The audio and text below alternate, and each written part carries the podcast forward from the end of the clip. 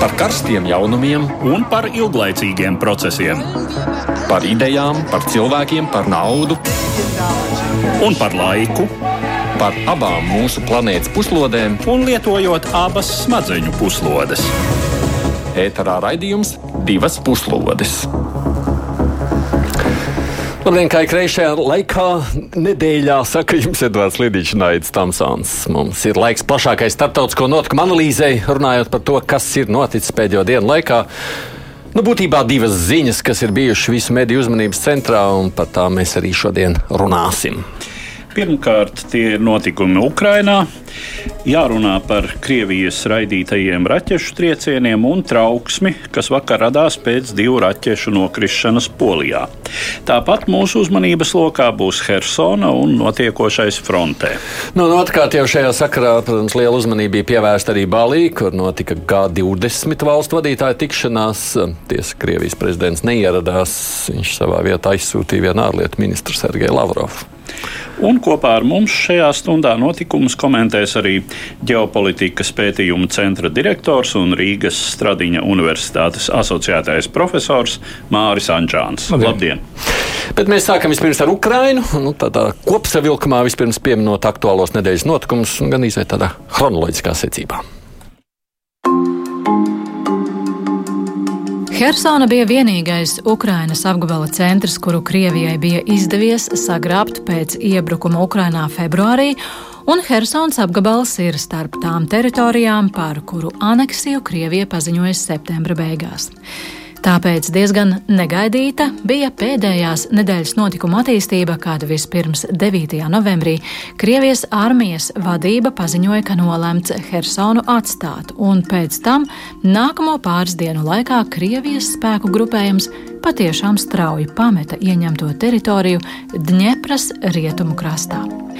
11. novembrī Ukrainas spēki iegāja Hersonā, kur viņus ar sajūsmu sveic iedzīvotāji. Trīs dienas vēlāk atbrīvoto pilsētu apmeklēja prezidents Volodimirs Zelenskis, piedaloties svinīgā Ukraiņas karoga pacelšanas ceremonijā. Tādējādi nav piepildījušies pieņēmumi, ka Krievijas puse centīsies noturēt Hersonu par katru cenu vai vismaz radīt maksimāls zaudējums pilsētas atbrīvotājiem. Vēl viens pēdējo dienu spilgts notikums ir privātās militārās kompānijas Wagners kaujinieka krimināla noziedznieka Jevgeņa Jevgeņija Nužina liktenis.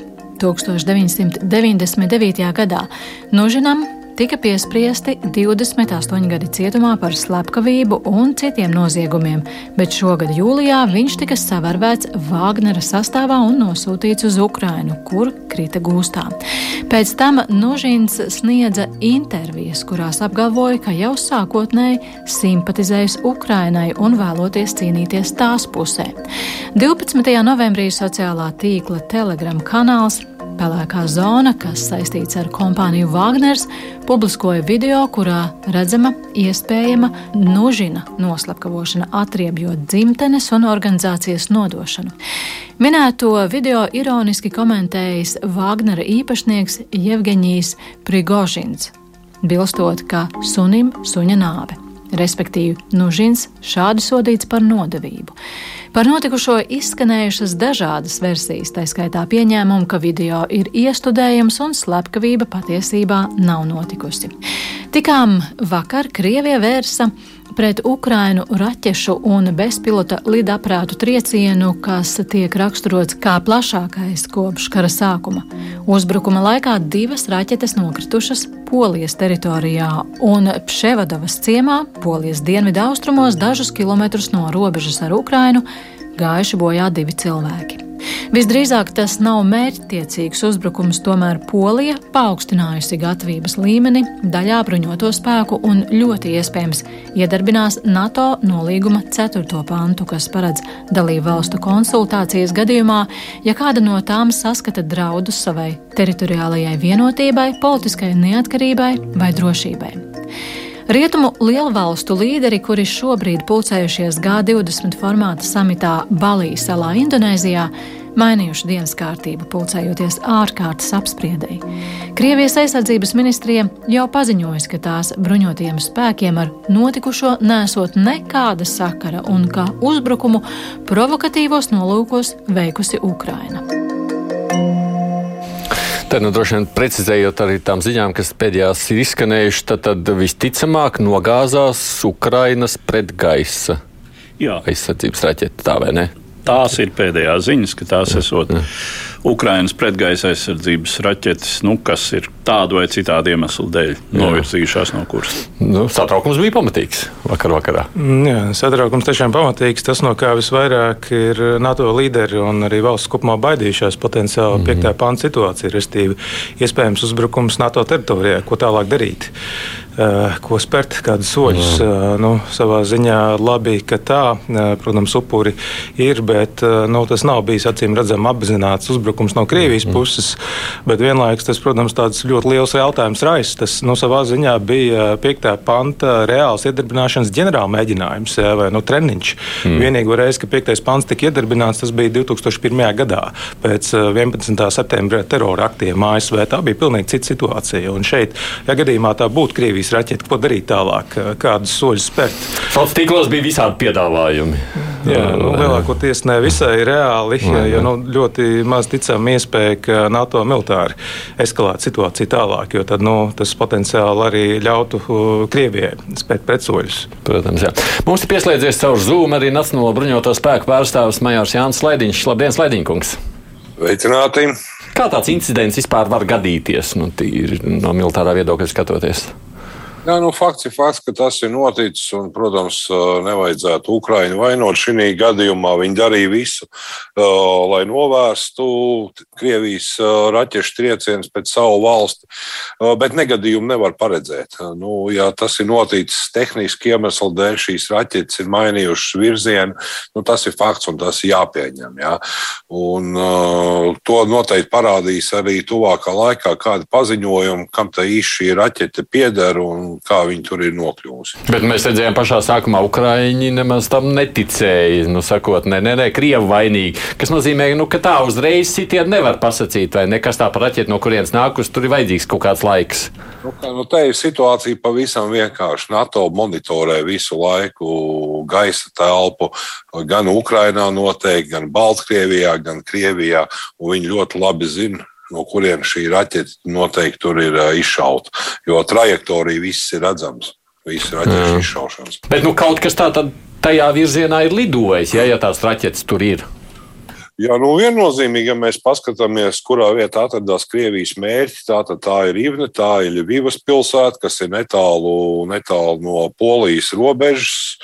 Un, protams, jā, nu, attālums ir tur ļoti minimāls. Un ņemot, cik ātri šīs raķetes lido, viņas ātrums, jā, nu, tur noreaģēt ļoti grūti.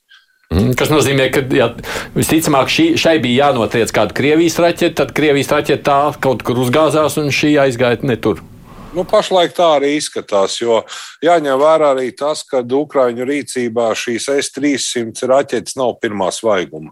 Uh, ja tā ir, kas ir um, pielietota, tā ir viena no pirmajām 70, 82, 80 gadu sākumā ražotā munīcija. Un mēs jau vispār redzam kara darbības zonā, cik daudz munīcijas nesprāgst gan no vienas puses, gan otras padomu laika ražojumi. Ja? Viņām jau lielākai daļai jau beidz beidzies, ir uzglabāšanas termiņš. Redzamā, no otras puses, skatoties, tad šādi Krievijas triecieni ir drauds arī rietumiem, pat ja, pat ja viņi netiek vērsti pret rietumiem tā sanāk. Nu, tieši tā, un jārēķinās, ka tādas situācijas var turpināties. Nu, pagaidām, protams, vēl galu neredz Krievijas kardarbībai Ukrainā. Skaidrs, ka viss pamazām tā vien izskatās virzās uz kaut kādu veidu uh, sasaluma periodu. Gan nu, tiešā, gan pārnestā nozīmē izskanēs vien vairāk rietumos nu, tādi mājieni, ka jāraugās uz uh, mieru sarunām arī Krievija pati mēģina Ukrainu arī nu, praktiski nosaldēt, nu, triecienus dodot mm -hmm. pret energoinfrastruktūru. Bet nu, skaidrs, šādas situācijas nevar izslēgt arī tālāk tālāk, ja Krievija vērš triecienus pa mērķiem Ukrainā un nu, atkal kāda raķeta nomaldās.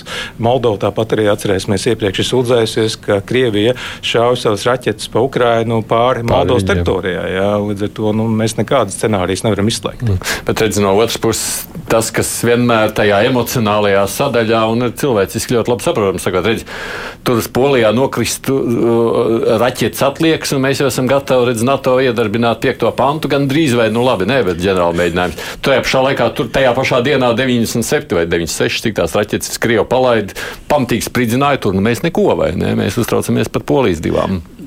Nu, ru, runa ir par to, ka Polija ir NATO dalība valsts un nu, mērķtiecīgu uzbrukumu gadījumā. Tad tas ir militārs uzbrukums, nu, jā. un tad ir jārēģē pēc Citādi, klasiskām jā. schēmām. Tas ir šādas apšaudes, nu, nereiz vien ir bijušas vēsturē par iemeslu karadarbības sākumam.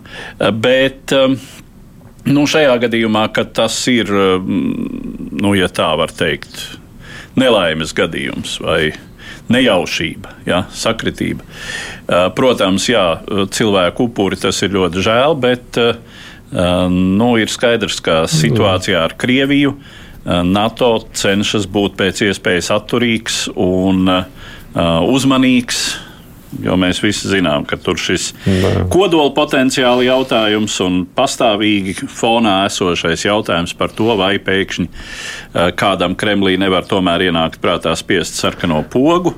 Un, ja tā ir tieša militāra konfrontācija ar NATO, tad, protams, šāda iespējamība daudzkārt pieaug. Jā, man, protams, kā cilvēki, tas liekas ārprāts par Ukraiņu. Tur neviens neuztraucās, tos tur var bombardēt, saldēt nost, redz, te mums Nu, jā, tāda ir pasaule. Ir pasaulē visu laiku aptuveni 50 bruņotu konfliktu notiek.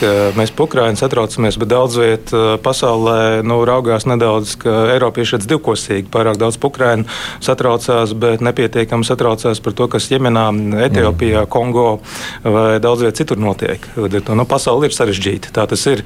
Esam NATO, un, jāpaliek, jā. nu, esam NATO un par to varam priecāties, ka arī uz mums attiecas kolektīvās aizsardzības garantijas. Bet pēc šī notikuma, nu, kam, kādas tam varētu būt tās sekas? Nu, Rājens Ukrainai slaidīņkungs nebūs, vai, vai drīzāk otrādi palīdzība lielāka Ukrainai, lai palīdzētu viņiem tikt galā ar šādām ķibelēm? Ne, nu redzam, kas Ukrainai trūkst. Ja viņai tagad tiek uzlabota pretgaisa aizsardzība, tad uh, noteikti būtu vēlams pretraķešu aizsardzību uzlabot. Jā. Tas ir tas, kas tiešām. Un, uh, ja Krievi pieņems lēmumu sākt pielietot šīs Irānas balistiskās raķetes, tas būs uh, liels izaicinājums Ukraiņas pretgaisa vispār gaisa telpas aizsardzībai. Jā. Tās, es saprotu, ir vēl sarežģītāk apturēt. Jā. Nu, balistiskās raķetes ir vispār ļoti grūts mērķis eh, jebkurai eh, sistēmai, lai viņas notriektu. Un ko tas nozīmē faktiski tādā perspektīvā, skatoties tagad kara perspektīvā? Kara perspektīvā rietumiem jādomā, kā palīdzēt Ukrainai eh, piegādāt sistēmas, kuras ir spējīgas cīnīties ar šo pretraķešu triecieniem. Un tādas, bet vispār ir tādas. Jā, protams, bet viņas ir dārgas. Viennozīmīgi, Ukraina ir liela valsts, un tā tad arī daudz šīs sistēmas būtu nepieciešams. Nu, kas nozīmē, tādā perspektīvā skatoties, izskatās diezgan pesimistiski aina. Vienkārši Krievija mēģina nu, noslaucīt Ukrainu šobrīd. Nu, Nu, tāda ir viņa taktika. Nu, redzam, ja, ja arī teiksim, tiešām šis būtu Krievijas apzināta rīcība, tad jāskatās, kāpēc viņiem tā ir vajadzīga. Redzam, ka Krievija vairs nav tik spēcīga, kā viņa pirms 24. februāra pat brīdināja NATO atvilkties 97. gada robežās. Nu, šobrīd tā armija ir izkausēta lielā mērā Ukraiņas kaujas laukos. Otrais variants nu, - iekšējām vajadzībām. Ja? Mēs redzam, ka Krievijas propaganda turpina stāstīt, ka rietumi ir gļēvi un Krievijai neko nevar izdarīt, sankcijas nestrādā, mēs esam stipri, no mums baidās. Ja? Un, nu, vēl viens variants ir likums celšana, protams, ar šādu veidu veida taktiku, piespiest, kā jau kungi minēja, sēsties Ukrainu pie sarunu galda. Mēs redz, pieminējām Helsonu mazliet jau sākumā, vai ne? Helsonas notikuma arī bija šais nedēļas laikā par to jautājumu, kāpēc viņi tik ātri Krievi bija gatavi atstāt Helsonu. Nu, varbūt, nu kā, viņi atstāja Helsonu, ja viņi tāpat slaucīs no to, tur viss nosaldēs, atstās tums, atstās bez.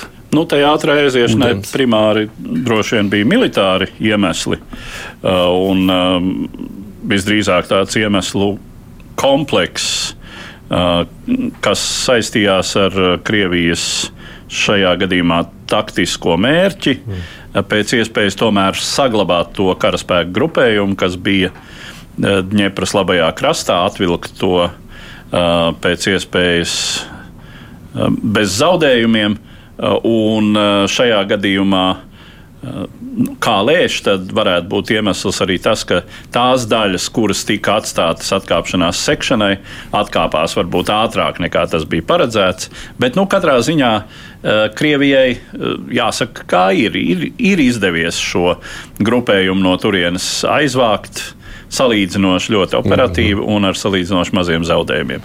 Jautājums, kur viņi šo karaspēku lietos? Nu, tas būs tās, par ko mēs jā. vēl runāsim. Vienkārši no tāda viedokļa skatoties, es vēl tikai pabeidzot šo raķešu apšaudu, vai ne, jo tas tomēr ir. Nu, nu, tas ir tāds teroristu gājiens, vai ne? Vienkārši civilos iedzīvotājus veselu valstu miljonus atstāt bez ūdens, bez, bez siltuma, bez elektrības, bez kanalizācijas, nu, bez jebkā, vai ne? Iegrūst viņus pilnīgā melnā tumsā ziemas vidū. Uh, Šī rietumiem jārēķinās, ka tur nāk līdz ar to bēgļu gājienu. Nu, kur tie cilvēki liksies, ja būs lielais sals? Protams, ka viņiem kaut kur jābēg, kur var izdzīvot, vai ne? Mūsu pašu interesēs būtu kaut kā to apturēt. Nu, jā, paskatīsimies uz uh, kara sākumu. Nu, kā Vācija reaģēja, vēl viena cita valsts ar palīdzību Ukraiņai. Nu, tā palīdzība milzīga bijusi. Un rietumu vienotība ir bijusi ļoti, ļoti liela. Uh, bet, protams, nu, realitāte nav tik vienkārša. Tas, ko arī Slaidinkungs stāstīja par potenciālo Irānas raķešu draudu. Nu, tur varētu arī būt diezgan sarežģīti pretoties. Atcerēsimies, Jā. 20. gads ASV nogalināja Kasēmu Salaimani, Irānas ģenerāli Bagdādē. Un toreiz pēc tam Irāna atriebībā par šo soli vērsa balstisko raķešu triecienus pa ASV bāzēm Irākā. Un vai nu apzināti vai neapzināti, bet ASV nespēja pārtvert šīs raķetes, nespēja mm. notriekt. Vienīgais, ko varēja darīt, bija sēdēja um, karavīri patvērtnēs un nu, izturēja šo triecienu. Toreiz upuri nebija. Līdz ar to nu, ir diezgan grūti, vai ne? Viens ir, ir, ir tas, ko mēs vēlētos, un divi ir realitāte. Ja. Ziema arī šeit nāk, arī nu, Eiropā arī ir jādomā, kādā veidā tikt ar to galā galā. Līdz ar to tās izvēles nebūs vienkāršas tālāk. Nu, protams, tās rietumu spējas arī ir ierobežotas. Protams, eh, protams viņas ir ierobežotas, gan arī nu, runājot par militāriem resursiem, tas aizvien vairāk izskan. Ne, ka nu, tie, tie krājumi jau sarūk, ka šobrīd jau tiek speciāli ražots pēc Ukrainas, ka arī nu, tas, tas, kas bija, nu, vairs īsti nav arī. Nu, Latvija, paskatīsimies, arī atdeva lielāko daļu savus eh, militāros helikopterus bruņoto spēku rīcībā, kas bija. Un, eh, līdz ar to tās rezerves jau nav tik plašas. Mm. Faktiski jau ir tā, ka uh, apmēram 30 gadi no rietumu militārā potenciāla viedokļa ir, vismaz ja runa par Eiropu, nu, ir gulēts uz ausīm, tēlēni izsakoties, un patiešām to resursu, uh, tā, arī tāda pretgaisa, pretraķešu aizsardzības sistēma, viņi vienkārši fiziski ir maz. Mm. Viņas būtu tagad triecienu tempā jāražo. Par Kepsonu runājot, Slēdiņa kungs, līdz pat pēdējiem brīdiem jau tā kā tika uzturēta intriga, ka varbūt tur notiks ielu cīņas, nebija skaidrs, ko Krievija darīs, bet nu, ātri un salīdzinoši viegli Krievijiem izdevās aiziet un pamest pilsētu. Kāpēc tā, jūsuprāt? Tā nu jāņem vērā, ka Krievija arī ir diezgan liela informatīvā kara meistari. Jā. Viņi darīja visu, lai maldinātu Ukraiņu spēkus. Jā, tāpat kā to Ukraiņu darīja pirms sākās šī aktivitāte gan austrumos, gan dienvidos. Jā, nu redzams, ka noteikti, protams, tas ir. Uh, Ukrāņu panākumu, ka viņi spēja iespaidot visu šīs Krievijas uh, spēku apgādes, kam ir vajadzīgs Dņepras labajā krastā. Un viennozīmīgi, ka Krievi tur atradās nevisai izdevīgās pozīcijās. Un tādēļ arī tika pieņemts lēmums atstāt. Bet šī atkāpšanās jau, kā izrādās, ir sākusies jau vismaz divas, trīs nedēļas iepriekš. Jā. Un te tiešām jāuzsver, ka Krievi ir veikuši samērā ļoti labi, veiksmīga atkāpšanās operācija, kas ir viens no vispār taktikas sarežģītākajiem posmiem, jā, atkāpšanās taisni. Un veidojot šos vēlnu dārzus vai mīnu laukus milzīgus, jā, atvelkot vienības, protams, nekārtības bija Mīnus ir tas, ka viņi, protams, zaudēja daļu savas kaujas tehnikas, bet dzīvo spēku viņi izvilka laukā. Nu, šis atgadījums man saistās ar kauju pie Debaļcevas 15. gadā, kad Ukraiņu vienības spēja atkāpties, bet, diemžēl, tehnika bija spiesta pamest lielāko daļu.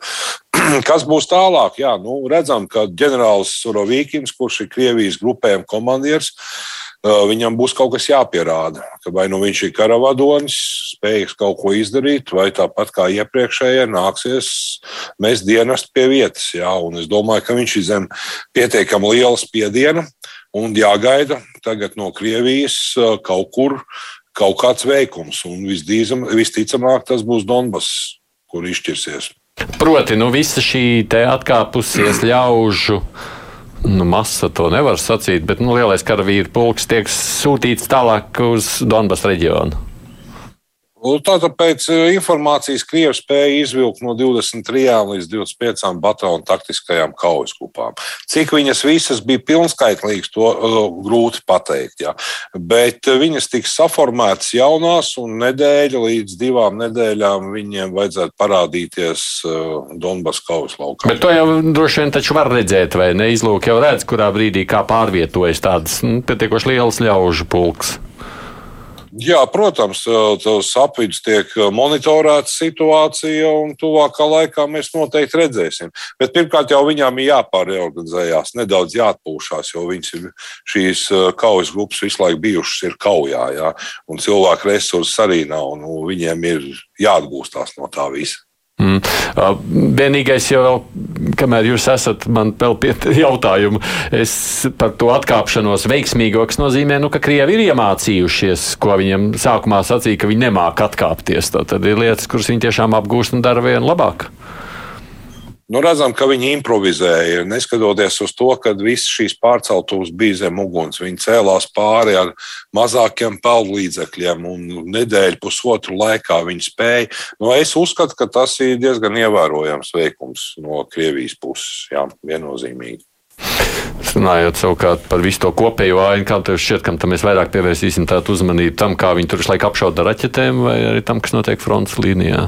Nu, vienam un otram, protams. Uh, un uh, jāņem jau vērā, ka pilnīgi visus šos spēkus uh, pārsviest uz citām frontes vietām nevarēs, jo kaut kas jau ir jāatstāj arī turpat Dņepras kreisajā krastā, kur, protams, salīdzinoši ir viegli aizstāvēt, tāpēc ka šī platā upe ir ļoti ērta aizsardzības līnija, bet šā vai tā, nu, piemēram, mēs jau um, lasām ziņas par Ukraiņu mēģinājumiem veikt kādas desantēšanās operācijas tur vienā pussalā uz dienvidiem no Dņepras ietekas. Un šis rajons ir ļoti tuvu Krimai salīdzinoši. Tā ka Krievijai, protams, ir šeit jāatstāj spēki un arī visnotaļ tā aizsardzība jāuztur labā līmenī. Mm. Bet nu, kaut kāda aktivizēšanās, lielāka aktivizēšanās ļoti iespējams, jā, tur Donbass Donbass rajonā. Kā tu redzi, māra tālāko perspektīvu ir notikuma attīstība? Jā, es arī līdzīgi redzu. Skaidrs, ka nu, arī atkāpšanās no Helsonas bija nu, paredzēta, lai glābtu tās karaspēka vienības, kas tur bija izvietotas, lai nostiprinātos uz dienvidiem no Dņepras upes. Un noteikti, ka liela daļa arī šo spēku tur paliks. Jo skaidrs, ka Ukrāņi arī nu, nepadosies. Nu, tagad vienkārši neskatīsies pāri upei, kas tur notiek. Un skaidrs, arī Donbassā mēģinās virzīties uz priekšu, bet nu, tādā visā, visā kopumā. Protams, tagad tik vienai pusē, gan Ukrainai, gan Krievijai būs grūti pavirzīties. Lietus, dubļi diezgan pamatīgi, nu, kas apgrūtina noteikti kustību šurp vai turpu. Un arī ziema nāk, tuvojas, un noteikti abām pusēm ir pietiekami liels nogrums sakrājies ļoti dažādās, nu, gan, gan karavīri, gan tehnika jāapkop, gan arī no valsts kopumā. Krievija mēģina Ukrainas energoinfrastruktūru faktiski iznīcināt nu, visticamāk pamazām virzās uz kaut kādu nostabilizēšanos, lai cik tas varbūt Ukraiņai nepatiktu. Bet tāpat laikā nu, arī Ukraiņa nepadosies un nu, ka, ka mēģinās atgūt vēl jaunas teritorijas. Mm. Slaidiņa kungs par ziemas to faktoru, cik tas ir būtisks tālāko notikumu attīstībā. Jautājums, cik tā zima būs mīksta vai cieta. Jā, protams, viņa būs slapja un ierobežos kaujas tehnikas kustību, tad jā, tad lielākā kaujas aktivitāte būs noteikti savstarpēja artērijas dueļi un iespējams mazu grupu darbība, nelielu vienību. Ja ziema būs ar salu, tas, protams, dos atkal iespēju izmantot smago kaujas tehniku. Bet es domāju, ka tur nebeigsies, jo Ukraiņiem viņiem jādara. Viņi nedrīkst dot būtībā Krieviem laiku atalpoties. Jā, un, Un redzam, ka jaunas Ukrāņu vienības tiek formētas, kas ļoti liela varbūtība liecina, ka Ukrāņi turpinās uzbrukuma operāciju. Viņiem cilvēku resursi ir, lai viņi varētu šīs vienības formēt. Izskatās, ka jā, jo nu, pēdējās nedēļas laikā pienāca informācija par jaunas brigādes izveidošanu. Tā tad noteikti šī brigāde ir gatava pilnībā saformēta un gatava kaujas operācijām. Mm. Vēl tikai mazliet pirms mēs dodamies tālāk par to, kas notiek pie pašas ņepras. Parādās kaut kādas ziņas par to, ka arī kaut kādas kaujas jau ir kreisajā krastā.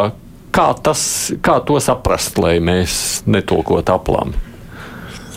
Tā no kaujām ir, jā, Ukraiņas bija mēģinājumi jā, ieņemt šo kāpu, bet Krievijas informatīvā telpa liecināja, ka Ukraiņas uzbrukumi ir atsisti, Ukraiņu ģenerāla štābs klusē, bet kas īsti bijis, precīzi pateikt nevar, jo ir informācijas vakums, bet darbība no Ukraiņas puses tur ir bijusi izveidot, ieņemt šo kāpu un izveidot nocietinājumus. Tā kā Ukraiņu mēģina visu laiku tikt pāri šajā Ņepras kreisajā krastā un izveidot uh, kādas pozīcijas. Un augstāk pa upi tur, kur uh, nu, ne tikai iet, iet, jā, ietek. Nu, tas ir jā, vairāk, kur ir teiksim, skatāmies rietumu malā, Ņepras. Mm -hmm. No Helsinas dienvidu rietumos. Okay, pat Helsinietis arī visu laiku ir pakļauta visu laiku, jebkurā brīdī apšaudē, vai ne? Priekš Krievijas artērijas uh, Helsona pašlaik ir ideāls mērķis. Jā. Tā kā nevar zināt, kā tur viss turpināsies. Jā, nu redzam arī Ukraiņas mēģinājums uh, ar šo artēriju slāpēt šo Krievijas uh, artērijas darbību. Un te ļoti lielā mērā nospēlēs tas faktors, kuram būs efektīvāks artērijas sistēmas, kam būs pret kontrabaterijas radaru darbību. Redzam, ka vienā no pēdējām paketēm Ukraiņas spēki ir saņēmuši šo ļoti vērtīgo ierīci, kas spēj noteikt Krievijas artērijas pozīcijas. Un redzam, ka Ukraiņu artērija pēc jau Helsinas atbrīvošanas visu laiku cenšas neutralizēt Krievijas artēriju, kura var apdraudēt Helsonu. Mēs turpināsim šeit sarunu studijā par dažiem citiem aspektiem. Es saku paldies jums, uh, Nacionālā bruņoto spēku pārstāvim Majoram Jānim Slaidiņam. Paldies par piedalīšanos. Jā, paldies. Uh, vienkārši skatoties vēl mazliet uz to, kas notiek pašā Krievijā, pirms mazliet par tālāko, ko tu jau pieminēji ierakstā.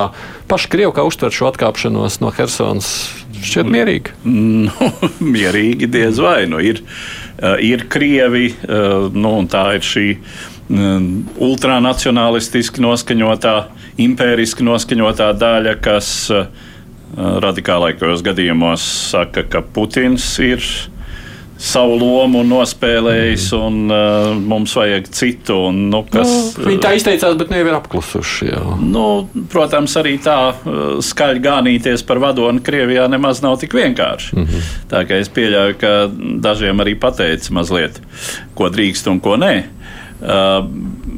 Tā kā nu, es domāju, ka daļā sabiedrības tas tiek uztverts ar zināmu histēriju un, un ļoti dramatiski.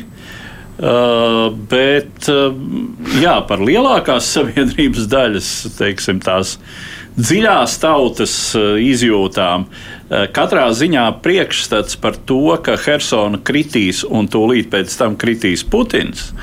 Šāds viedoklis daudzkārt ir izskanējis, tas, es domāju, neatbilst nu, patiesībai. Var kontrolēt faktiski to informatīvo, ja cilvēku noskaņojumu lielā mērā. Nu, protams, viņi arī diezgan prasmīgi darbojas. No Krievijas mm. informatīvā telpā parasti netiek lietas slēptas, bet tiek vienkārši pilnīgi otrādi apgrieztas. Mm. Un arī nu, tāpat Hersona tiek pasniegta kā vajadzīga, nepieciešama atkāpšanās, protams, kur Putinam nav bijusi nekāda loma. Tas bija aizsardzības ministra un Savarikina ģenerāļa pasākums. Un tas tiek nu, nolikts malā kā diezgan nesvarīga situācija. Mm -hmm. Un tiek runāts par citām lietām, arī paskatāmies, kas Donbasā notiek, ka tur kā nelielas virzības uz priekšu ir. Tāpat arī par veiksmīgiem triecieniem par Ukrainas kritisko infrastruktūru, tāpat arī no Polijas situācija apspriesta. Nu, tiek, tiek runāts par citām lietām un par tām, kurām mēs runājam, tur mazāk pievērš uzmanību. Nu, tā pašā laikā vēl viens aspekts, kas parādās, nu, kļūst ar vien arī tādu lielāku, tādu nežēlīgāku tā informatīvā telpa. Tur nogalināja to vienu, vai nu, kā mēs secinājām, varbūt inscenēja, bet jebkurā gadījumā par to, jā, redz, nogalināts viens nodevējs, kurš tur simpātijas izrādījis Ukrainai, būdams gūsteknis. Oh, jā, nu, tas arī noteikti ir signāls uh, uz iekšu arī mobilizētajiem, ne tikai uh, nu, uh, cietumniekiem, kas tika mobilizēti. Un mm. Prigožins arī toreiz tajā nopabudinātajā video cietumā. Viņš arī diezgan skaidri pateica, kādi ir noteikumi. Jā, ka, nu, padošanās tā nav iespēja. Vai nu ir jāiztur laika periods dienestā, tā sauktajā, vai arī nu, vai nāve. Jā. Vai nav? Tā viņš arī sacīja, ka tev bija Eduarda saruna kolēģis Pēterburgā arī par šo. Jā, Irīna Tumakova, kura ir Novaja Gazeta Maskavas daļas uh, štata, uh, štata reportiere. Nu, un, jā, es viņai uzdevu jautājumu. Viņa, starp citu, ir diezgan daudz tieši veidojis materiālus par Krievijas kriminālo vidi un tā tālāk, tā ka viņa diezgan labi izjūt šo tematu. Kas, jūsuprāt, ir visproblemātiskākais šai notikumā? Самым ужасным, мне кажется, то, что они это вообще в принципе показывают Pat šausmīgākais man šķiet tas, ka viņi to vispār principā parāda, ka Prigožins tik atklāti un tik priecīgi komentē un pat nemēģina kaut kā to slēpt. Tas ir pats briesmīgākais. Nav pat svarīgi, vai tā ir patiesība vai ne, vai tiešām bija tāds cilvēks, vai tiešām viņu nogalināja ar veseli. Man tas viss šķiet visai apšaubāmi. Šajā sakarā ir tik daudz tāda, kas raisa manī neticību, bet principā tas nav no svara, jo tas, ka viņi var atklāti to parādīt, sodīt, lepoties ar to, tā par to runāt, tas ir pats šausminošākais. Это, это есть самое жуткое. To, Vai tas, kas noticis, kļūst par tādu kā jaunu normalitāti Krievijas pirmkārt tiesiskajai, bet arī sabiedriski politiskajai videi kopumā? Для правовой и для политической среды это относительно новое. Nu, Tiesiskai un politiskai videi tas ir kas salīdzinoši jauns. Tas ir tas fenomens, kuram drīz apritēs deviņi mēneši. Kas attiecas uz sabiedrisko, tad šajā ziņā es nebūtu tik droša, ka tas ir kas jauns. Cilvēki э, Krievijā, vienkāršā tauta, kas dzīvo grūti, trūcīgi, viņi jau arī agrāk bija visai cietsirdīgi. Tagad, kad sācies karš, šai cietsirdībai ir pievienojusies pilnīga aizliegtā atmešana ikdiena. Visbriesmīgākais sabiedriskā nozīmē ir tas, ka šādi video, šādi komentāri, vispār šāda rīcība kļūst tautā atzīta. Nodevējs, nogalnāts, malači pareizi darīts, vēl nāves sodu vajag ieviest. Tāpēc es domāju, ka drīz tiks atjaunots nāves sods. Вот я думаю, смертную казнь они скоро вернут. Как вам кажется, Vai jūsuprāt, šis ir viens elements tajā, ko mēs varam, protams, pilnīgi ironiski un nosacīti, bet dēvēt par Prigožina priekšvēlēšanu kampaņu Krievijas federācijas prezidenta amatam? Мы можем, конечно, назвать это predvibranai kampanijai. Mēs to, protams, varam saukt par Prigožina priekšvēlēšanu kampaņu, bet man šķiet, ka tāda tā ir tikai paša Prigožina iztēle. Jo tādus cilvēkus kā Prigožins ilgi nepacieš. Viņam ir atļauts staigāt noteikta garuma pavadā. Tagad viņš ir vajadzīgs un viņa pavada ir pagarināta. Viņš jūt, ka var atļauties daudz vairāk nekā agrāk. Var atļauties uzrakstīt apsūdzošu iesniegumu par Sanktpēterburgas gubernatoru Beglovu, var atļauties šādus video. Iepriekš, kad kas tāds parādījās, viņš noliedza šo video autentiskumu, noliedza savu saistību un saistību ar PMK vispār. Tagad viņš var atļauties to komentēt, var atļauties ironizēt. Viņš var atļauties atvērt savu PMK centru Sanktpēterburgā, bet tas ir tikai tik ilgi, kamēr viņam to atļauj. Es domāju, ka viņš ir pietiekami gudrs, lai to saprastu. Varbūt viņš tagad pārbauda savas pavadas garumu. Ja viņš patiešām domā, ka tā ir viņa priekšvēlēšana kampaņa, tad viņš ir idiots. Bet ne tāpēc, ka tauta viņu neievēlēs. Man ir lielas aizdomas, ka tauta viņu varētu arī ievēlēt.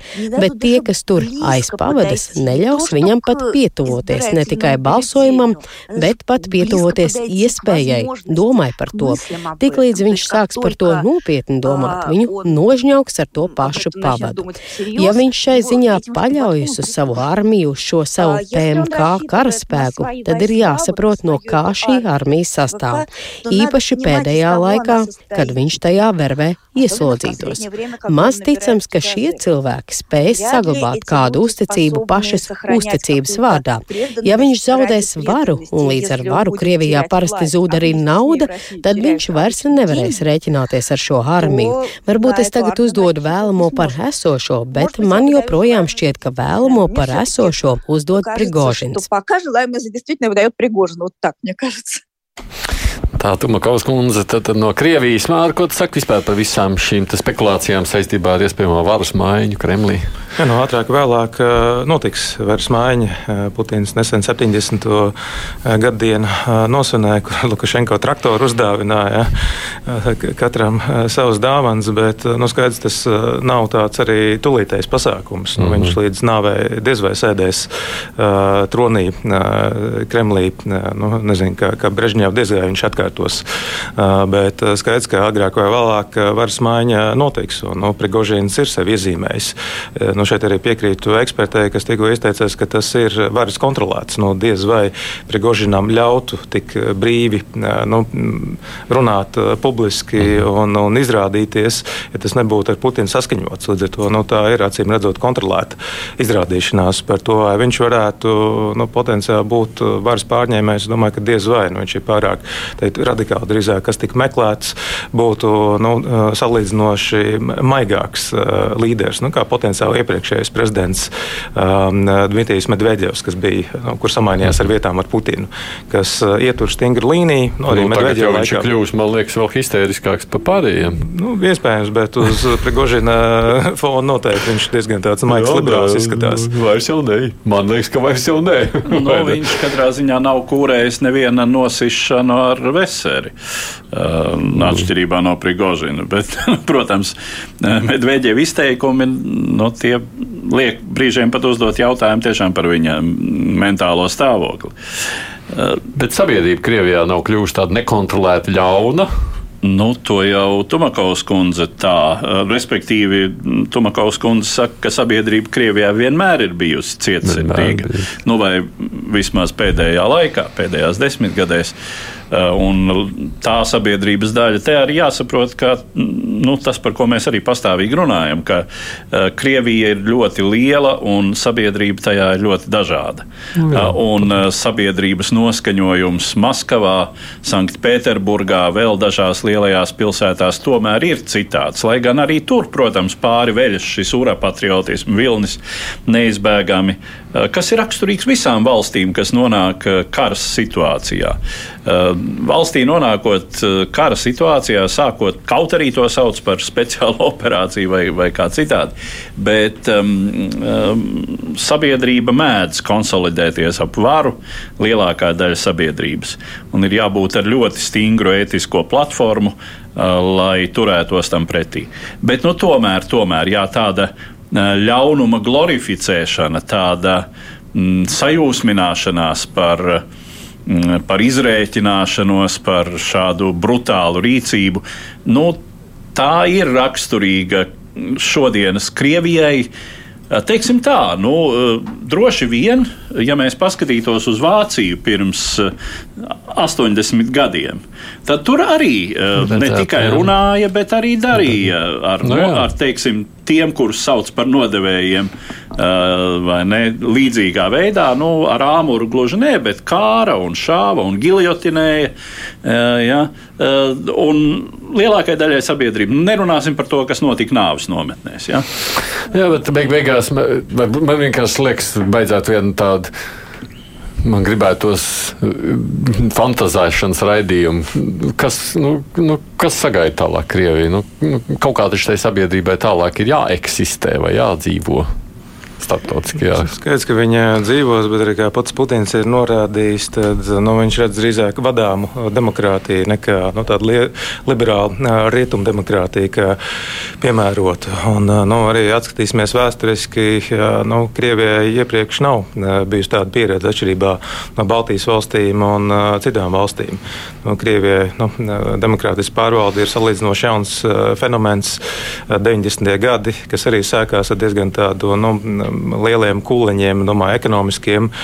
Un, nu, pēdējās divas desmitgades faktiski viens vadonis, nu, atskaitot Medveģeva laiku, kas ir. Nu, labi, viena lieta tur ir demokrātija un autoritārs un diktatūra, bet tur vēl ir ekonomika, visi šie ētiskie momenti, nu, cietsirdība un viss ļaunums, kas nāk. Protams, tas tik ātri neaiziet un nemainās, jo no, sabiedrība uh, mainās daudz lēnāk uh, nekā nezinu, ekonomika vai politiskā vai. sistēma. Un skaidrs, ka tas uh, paliks Krievija. Nu, vēl pārskatāmā nākotnē paliks citādāka nekā nu, mēs šeit dzīvojam. Un arī nu, ir daudz runāts par stereotipiem, kādas ir kuras tautas. Un, nu, daudz arī salīdzinoši daudz arī patiesības tajā ir.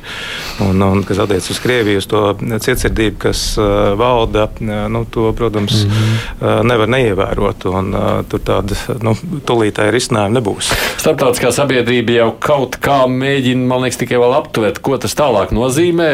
Mēs redzējām Pagaidām tas vairāk mēģina reaģēt tikai uz to esošo, kā tā situācija ir šobrīd, piemēram, par Krieviju, Ukrainu. Daudz te runāja arī Balī, kur pulcējās valstu vadītāji no gandrīz 20 valstīm. Tur Krievijas prezidentam arī bija jābūt, bet viņš neaizbrauca. Klausāmies vispirms apkopojumu.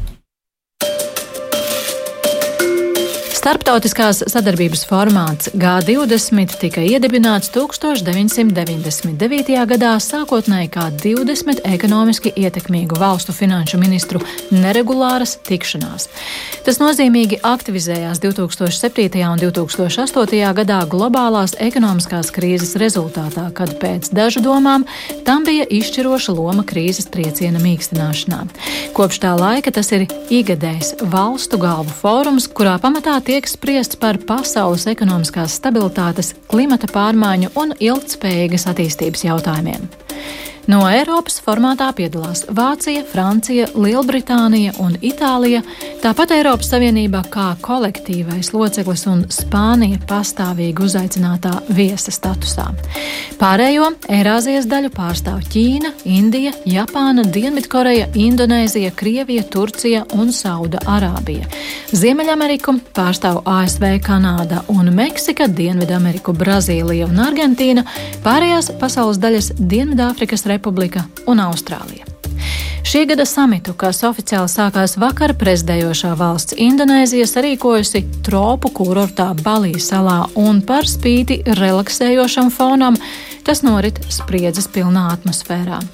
Drūmu ēnu pār Bali met Krievijas agresija pret Ukrainu un Krievija kā šī brīža pasaules problēma vispār. Neilgi pirms samita sākuma kļuva skaidrs, ka to neapmeklēs Krievijas līderis Vladimirs Putins, kuram tur neizbēgami nāktos piedzīvot negatīvas attieksmes apliecinājumus no vairuma pārējo dalībnieku.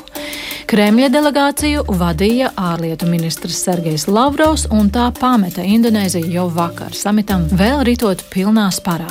Savukārt Ukrainas prezidents Volodimirs Zelenskis, uzrunājot samita dalībniekus klātienē, uzsvērta Lietuvas apzīmējumu G19, akcentējot nepieciešamību izraidīt agresoru valsti Krieviju no starptautiskās sabiedrības. Nozīmīga vērība Balī tika pievērsta Ķīnas līderim Xi Jinpingam, kurš klātienē tiekas ar citiem pasaules ietekmīgāko valstu līderiem pēc pandēmijas izraisītās trīs gadu pauzes. Sī tikšanās ar Savienoto Valstu prezidentu Džo Baidenu, kas notika jau samita priekšvakarā pirmdien, ilga trīs stundas, un lai arī neviena no pusēm neslēpa savas pretenzijas, kopumā tā tiek vērtēta kā solis prom no spriedzes abu lielvaru attiecībās. Pēkšņas izmaiņas samita dienas kārtībā ienesa ziņas par Krievijas raķešu trāpījumu Polijas teritorijā mainot savu šodienas dienas kārtību uz ārkārtas pārunām, pulcējušies Savienoto Valstu, Kanādas, Francijas, Vācijas, Itālijas, Lielbritānijas, Spānijas, Nīderlandes, Japānas un Eiropas Savienības vadītāji. Divas puslodes. Sargādījuma studijā kopā ar mums ir arī ģeopolitikas pētījuma centra direktors Rīgas Studiju Universitātes asociētais profesors Mārs Anģāns. Samits ir noslēdzies vispār, jā? Ja? Nu, šobrīd, eh, šobrīd tas manuprāt, noslēdzas. Šajā mirklī, jā, ja, kamēr mēs runājam. Viens precizējums te izskanēja, ka Zelenskis uzrunāja samitu klātienē, protams, nē. nē jā, tā ir kļūdīšanās, viņš uzrunāja tieši saistē. Jā, jā, jā. Ko jūs uzsvērt no šīs samita, kas ir tāds nu, pieminēšanas vērts, Māri? Nu, viennozīmīgi Ukraina, Krievija, Lavrovs, vai ne, nu, par Lavrovu veselības slikstām potenciālām tika vēstīts, un pēc tam fotografija, kur, nu, rietumos ražotās lietās un tērpos tērpts Eh, Lavrovs sēž un Sīdziņpins eh, eh, parādījies beidzot arī globālajai publikai. Līdz šim, man liekas, viņš tikai bija Centrālā Azijā. Devies bija, bija Samarkandā un, man liekas, arī uz Kazahstānu bija devies. Tā, tas mhm. tāds salīdzinoši liels notikums, ka šī pēc šīs Covid pauzes ir devies uz āru. Nu, arī tikās ar ASV prezidentu Joe Bidenu, kur tāds no nu, samierniecisks tonis tika iznēsis, ka nu, mēģinās izvairīties no tāda jauna augstā uh, kara. Uh, līdz ar to, nu, to es arī ne, negribētu, ka paiet nepamanīt pamanīts. Tad Ķīna ir uh, atpakaļ arī fiziski, ja tā var teikt, uz globālās skatuves. Mm. Jā, un ir. Uh, uh, garantējis, nodrošinājis sev pēdējā Ķīnas kompartijas kongresā nepārprotam šīs valsts vadību. Ļoti iespējams, ka arī uz mūžu. Uz mūžu, vai nu vismaz, teiksim, kamēr viņš pats jutīsies rīcības spējīgs. Un, nu, līdz ar to ar citu pārliecību un ar citu stāju. Jā, ko droši vien tā varēja pamanīt, kad viņš tikās ar prezidentu Baidenu. Uh, nu, tā sacīta, divi, divi svarīgākie uh, veči, es atļaušos teikt, uz šīs planētas, uh, diezgan mierīgi savā starpā. Uh, jā, pateica visu viens otram, ko domā, cik var spriest arī no publiski izskanējušā, tad, tad no problemātiskiem momentiem nevairījās. Sī atkārtoja savus pārmetumus par to, ka uh, par, par, ar Taivānu jūs mūs pārlieku sacīt, neka, esat kaitinājuši. Tā nu nevajadzētu. Mm. Bet runājot par konstruktīvo, Ķīna ir piekritusi atsākt regulāru dialogu klimata jautājumos. Un šķiet arī militārās konsultācijas ar Savienotajām valstīm uh, kas tika pārtrauktas pēc Pelosī kundzes vizītes Taivānā. Mm. Kas viss, nu, Kāds ir rezultāts, ja tā, nu, mēs tā runājam par tiem rezultātiem no šī samita? Jā, no šiem samitiem, nu, kur ir tik ļoti dažādas valsts mm. - Krievija, Ķīna, ASV, Kanāda. Nu, Visi kontinenti. Nu, pat tādās sanāksmēs, protams, ir grūti par kaut ko vienoties. Mm. Un, nu, galā ir deklarācija, šķiet 16 lapas, kur tika atzīmēts, ka lielākā daļa nosoda Krieviju par tās mm. rīcību Ukrainā. Un tas atkal tāds nu, kārtējs atgādinājums, ka, protams, rietumi nosoda G7 plus vēl atsevišķas valsts, bet nu, var minēt, eh, kuras eh, tam nepievienojas. Līdz ar to arī nu, nav tāda pilnīgas vienprātības pasaulē. Nu, Ķīna, Indija, kas ir neitrāls vai nu, kur vairākas liecās tomēr uz Krieviju, nu, tās intereses ir dažādas, un citas valsts vienkārši nu, izvēlas rūpēties par citām lietām. Tā tādu nu, ļoti konkrētu iznākumu nav. Tādi samiti ir vajadzīgi, lai tiktos valstu līderi, jo nu, viss jau nevar izmērīt tādās nu, vienošanās vai nu, konkrētā monetārā izpausmē. Kas vēl tika minēts, ka arī Zelenskis atsaucās, ka uz G19 ir bijuši mēģinājumi arī Krievi izslēgt no eh, G20. Jā, un eh, zinām arī, ka G7 bija īstenībā G8. Nu jā, Līdz 14. gadā Krievija izslēdz. izslēdz. Nu, šeit acīm redzam atbalsts nav Krievijas izslēgšanai. Nu, atkal tāpat noteikti uh, Krievijas nu, salīdzinoši sabiedrotie Ķīna, daļai arī Indija, nu, droši vien, ka diezgan stingri saka, ka nē, ka tomēr ka Krievijai tur ir jābūt. Mm. Bet Putins neaizbrauc. Nu, jā, nu, no otras puses ir pilnīgi skaidrs, ka Putinam tas. Uh, Putinam pēdējā laikā vispār šādos fórumos ir ļoti rūkta pieredze, var teikt. Un, ja jau viņam atļaujas teikt acīs, ko domā Tajā gadījumā tas bija Taģikistānas prezidents Rahmons. Jā, Rahmons, Rahmonovs. Tad nu, šeit nu, iespējams un tikties vēlreiz ar to pašu Modī, kurš viņam jau, jau vienreiz diezgan skaidri un publiski pateica, ka šis nav laiks vicināt ieročus, karot lietu asins un tā tālāk. Tas ir diezgan skaidrs, ka nekādu ieguvumu no šīs mm. vizītes tur droši vien nebūtu. Bet, nu, zin kā, kad satiekas un satiekas, sarunājas, viens otru jau mazliet kaut kā mēģina ietekmēt, tā viņam drīzāk būtu iespēja nekā atstāt tur, lai tie paši savā nu, Viņam starpā. šobrīd ir pārāk sliktas kārtas rokās un pārāk atklātas. Viņš ir, viņš ir uh, cietis Ukrainā pēdējo mēnešu laikā pārāk uh, sāpīgus zaudējumus.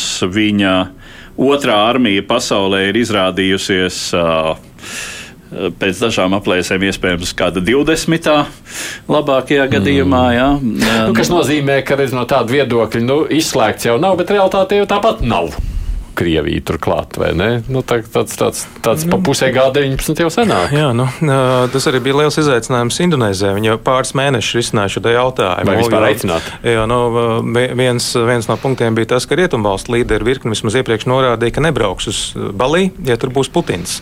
Un, un tad Indonēzijas puse vienā brīdī izlika piedāvājumu, tad, lai brauc gan Putins, gan Zelenskis, nu, ka tā potenciāli varētu būt tāda nu, tikšanās vieta. Mm -hmm. Acīm redzot, tas neizgāja cauri un iespējams, ka šis ir beigts beigās tāds kā kompromisa variants, ka, nu, lai atbrauktu rietumu līderi, tad Putins nebrauc, bet atbrauc Lavrovs. Mm. No kur ar lielu jēgu nebija, laikam. Jā, kur, protams, jāsaka, ka Ukraina. Uh, tomēr tur nebija īsti, nu, teiksim, un nekad nav bijusi aicinātās valsts statusā, jo no. tur šīs, šīs ekonomikas, lai gan iespējams, ne, es nezinu, varbūt, ka es samelojos, iespējams, ka kādreiz ir bijusi, jo tur ir šīs salīdzinoši arī nelielās Uh, uzaicinātās valstis. Arī šo, šoreiz tur bija vairākas Āfrikas valstis, nu, mhm. kuras, uh, kuras tur uzaicina kā novērotājus, kā uh, teiksim, dialogu dalībniekus papildus pie pastāvīgajām dalību valstīm. Nu, kā jau minēts, Spānija tur tiek aicināta vienmēr, jo Spānija vispār ir pirmajā 15. no pasaules ekonomikām. Tai iespējams tur nav atradusies vieta tikai tāpēc, ka pārāk daudz jau no Eiropas valstu tur ir. Un bez tam nu, Spānija tiek pārstāvēta caur Eiropas Savienību. Arī Nīderlanda gandrīz vienmēr tiek aicināta. Mm. Šoreiz tā ir aicināta arī tāpēc, ka tā ir kādreizējā Uh, Indonēzijas koloniālā valdītāja, un starp abām valstīm ir zināma cieša sadarbība joprojām. Uh, nu, jā, var jā. pieminēt, ka Polija ir uh, vairāk kārt izteikusies, ka tai arī būtu vieta kā pabūt, spēcīgākai Austrumēropas valstī. Bet vēl par to Ķīnas un Baidena tikšanos, ko tā liecina? Tā rāda, ka nu, tomēr kaut kā tā spriedze tiek mazināta starp ASV un Ķīnu. Domāju, ka tas nedaudz saka, pāragri, bet noteikti tas ir labs nu, teiksim, tā, solis pēc uh, Nensijas Pelosi vizītes Taivānā. Es nesaku, ka Pelosi vizīte bija slikts solis, bet nu, tāds uz uh, samierināšanos, jo nu, toreiz Ķīna diezgan asi izteicās par ASV. Uh, tāpat arī atcerēsimies tie manevri un militārās mācības ap Taivānu de facto blokādē. Tas radīja lielu satraukumu par potenciālu arī militāru uh, miedarbību starp ASV un Ķīnu.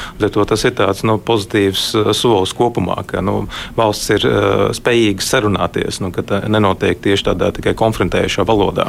Un droši vien to vislabāk bija darīt pēc vēlēšanām, vai ne Amerikas Savienotajās valstīs? Gan Amerikas Savienotajās, gan pēc Ķīnas partijas kongresa, kā es teicu. Tagad, tagad viņi abi ir krietni mierīgāki nekā vēl pavisam nesen. Jā, līdz ar to sarunas vēlēšanas tad atkal nevarēs vest. Nu, tā kā jāizmanto mirklis, kas to jā. zina, kas būs nākamajās vēlēšanās. Jā. Paldies! Neko jaunu arī neiesākam tālāk. Es saku ģeopolitikas pētījuma centra direktoram un Rīgas Tradiņu universitātes asociētiem profesoram Mārim Anžānam par to, ka atnācāt un piedalījāties šajā raidījumā. Es. Nu, studijā bijām arī mēs, Edvards Liniņš, kā vienmēr, un es Aidis Tomsons, producēja raidījumu Eviju un Āma. Etra laiks mums ir beidzies. Mēs tiekamies atkal pēc nedēļas. Šoreiz jau mums ir grūtāk prognozēt. Man liekas, nav mums neviena tāda tieši notikuma, ko mēs reiz varam sacīt, mēs ko nākošajā jau reizē. zinām. Ne, tā, Vai nevajadzētu, tā, tā kā mēs mēs gaidīsim, kā notikumi attīstīsies uz priekšu. Mūsu producenta Evija, kādas dienas būs prom, nākošais nedēļa nebūs. Tas arī ir. Bet mēs, protams, skatīsimies, kā notikumi ir mainījušies, kas būs nākamās aktualitātes. Protams, ļoti gribētos cerēt, ka nenāktos ļoti slikti atkal runāt par notikumiem Ukrainā. Uz sadzirdēšanos līdz citai reizei. Divas puslodes!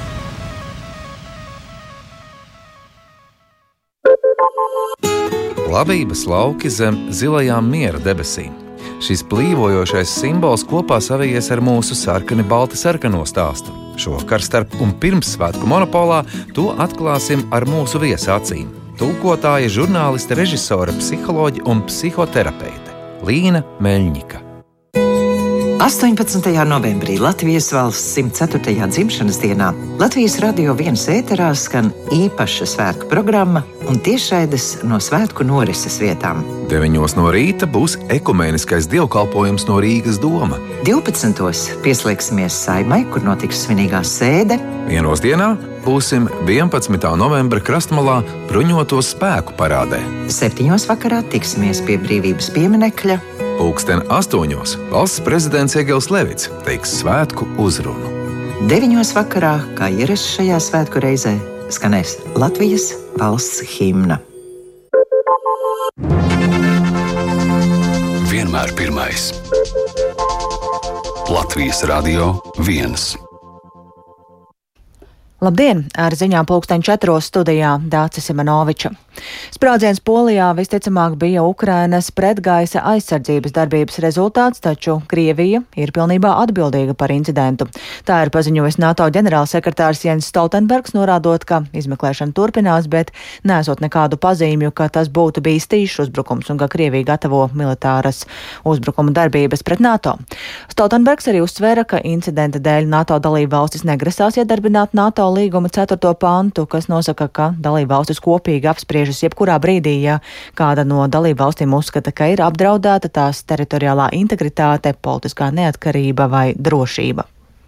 Iepriekš šodien arī Polijas augstākās amatpersonas paziņoja, ka pierobežā nokritusi raķete, kas nogalināja divus cilvēkus, visticamāk bija Ukrainas izšautā pretgaisa aizsardzības sistēmas raķete, un ar ko Ukraina ir mēģinājusi atvairīt masīvo Krievijas raķešu uzbrukumu. Polijas vadība uzsver, ka atbildība par šo incidentu gulstas uz agresoru valsti Krieviju, kas jau mēnešiem ilgi terorizē Ukrainu, bet Ukraiņi tikai cenšas aizstāvēties. Polijas prezidents Andrzejs Duda informēja, ka amerikāņi piedāvā palīdzēt izmeklēšanā un viņš ir pieņēmis šo piedāvājumu. Sarunas par kopīgu G20 samita deklarāciju bija ārkārtīgi sarežģītas, taču līderu vienošanās ir vērtējama atzinīgi. Tā saka samita uzņemošās valsts Indonēzijas prezidents Džoko Vidodo, un samitā ir dominējis jautājums par Krievijas izvērsto karu Ukrainā un arī kopīgajā G20 līderu paziņojumā valstu vadītāji nosoda Krievijas agresiju pret Ukrainu. Lai arī domstarpības bija, paziņojumu pieņēma visas valstis, tā skaitā Krievija. To apstiprināja vairāki dalībnieki un turpina Rihards Plūme. Paziņojumā norādīts, ka vairums G20 valstu stingri nosoda karu Ukrainā, lai gan Krievija sākotnēji pretojās šāda teikuma iekļaušanai kopīgajā paziņojumā. Paziņojumā norādīts, ka ir arī citi viedokļi un atspoguļota Krievijas nostāja. Tajā Krievijas uzbrukums Ukrainai saukts par karu, nevis īpašo militāro operāciju, kā to spītīgi dēvē Maskava. G20 līderu paziņojumā teikts, ka ir jāievēro starptautiskās tiesības un kodolieroču izmantošanas draudi ir nepieņemami. Kā norādīja Indonēzijas prezidents, sarunas par karu un Krievijas nosodīšanu ilgušas līdz pusnaktī, un visbeidzot Balī deklarācija tika pabeigta vienprātīgi.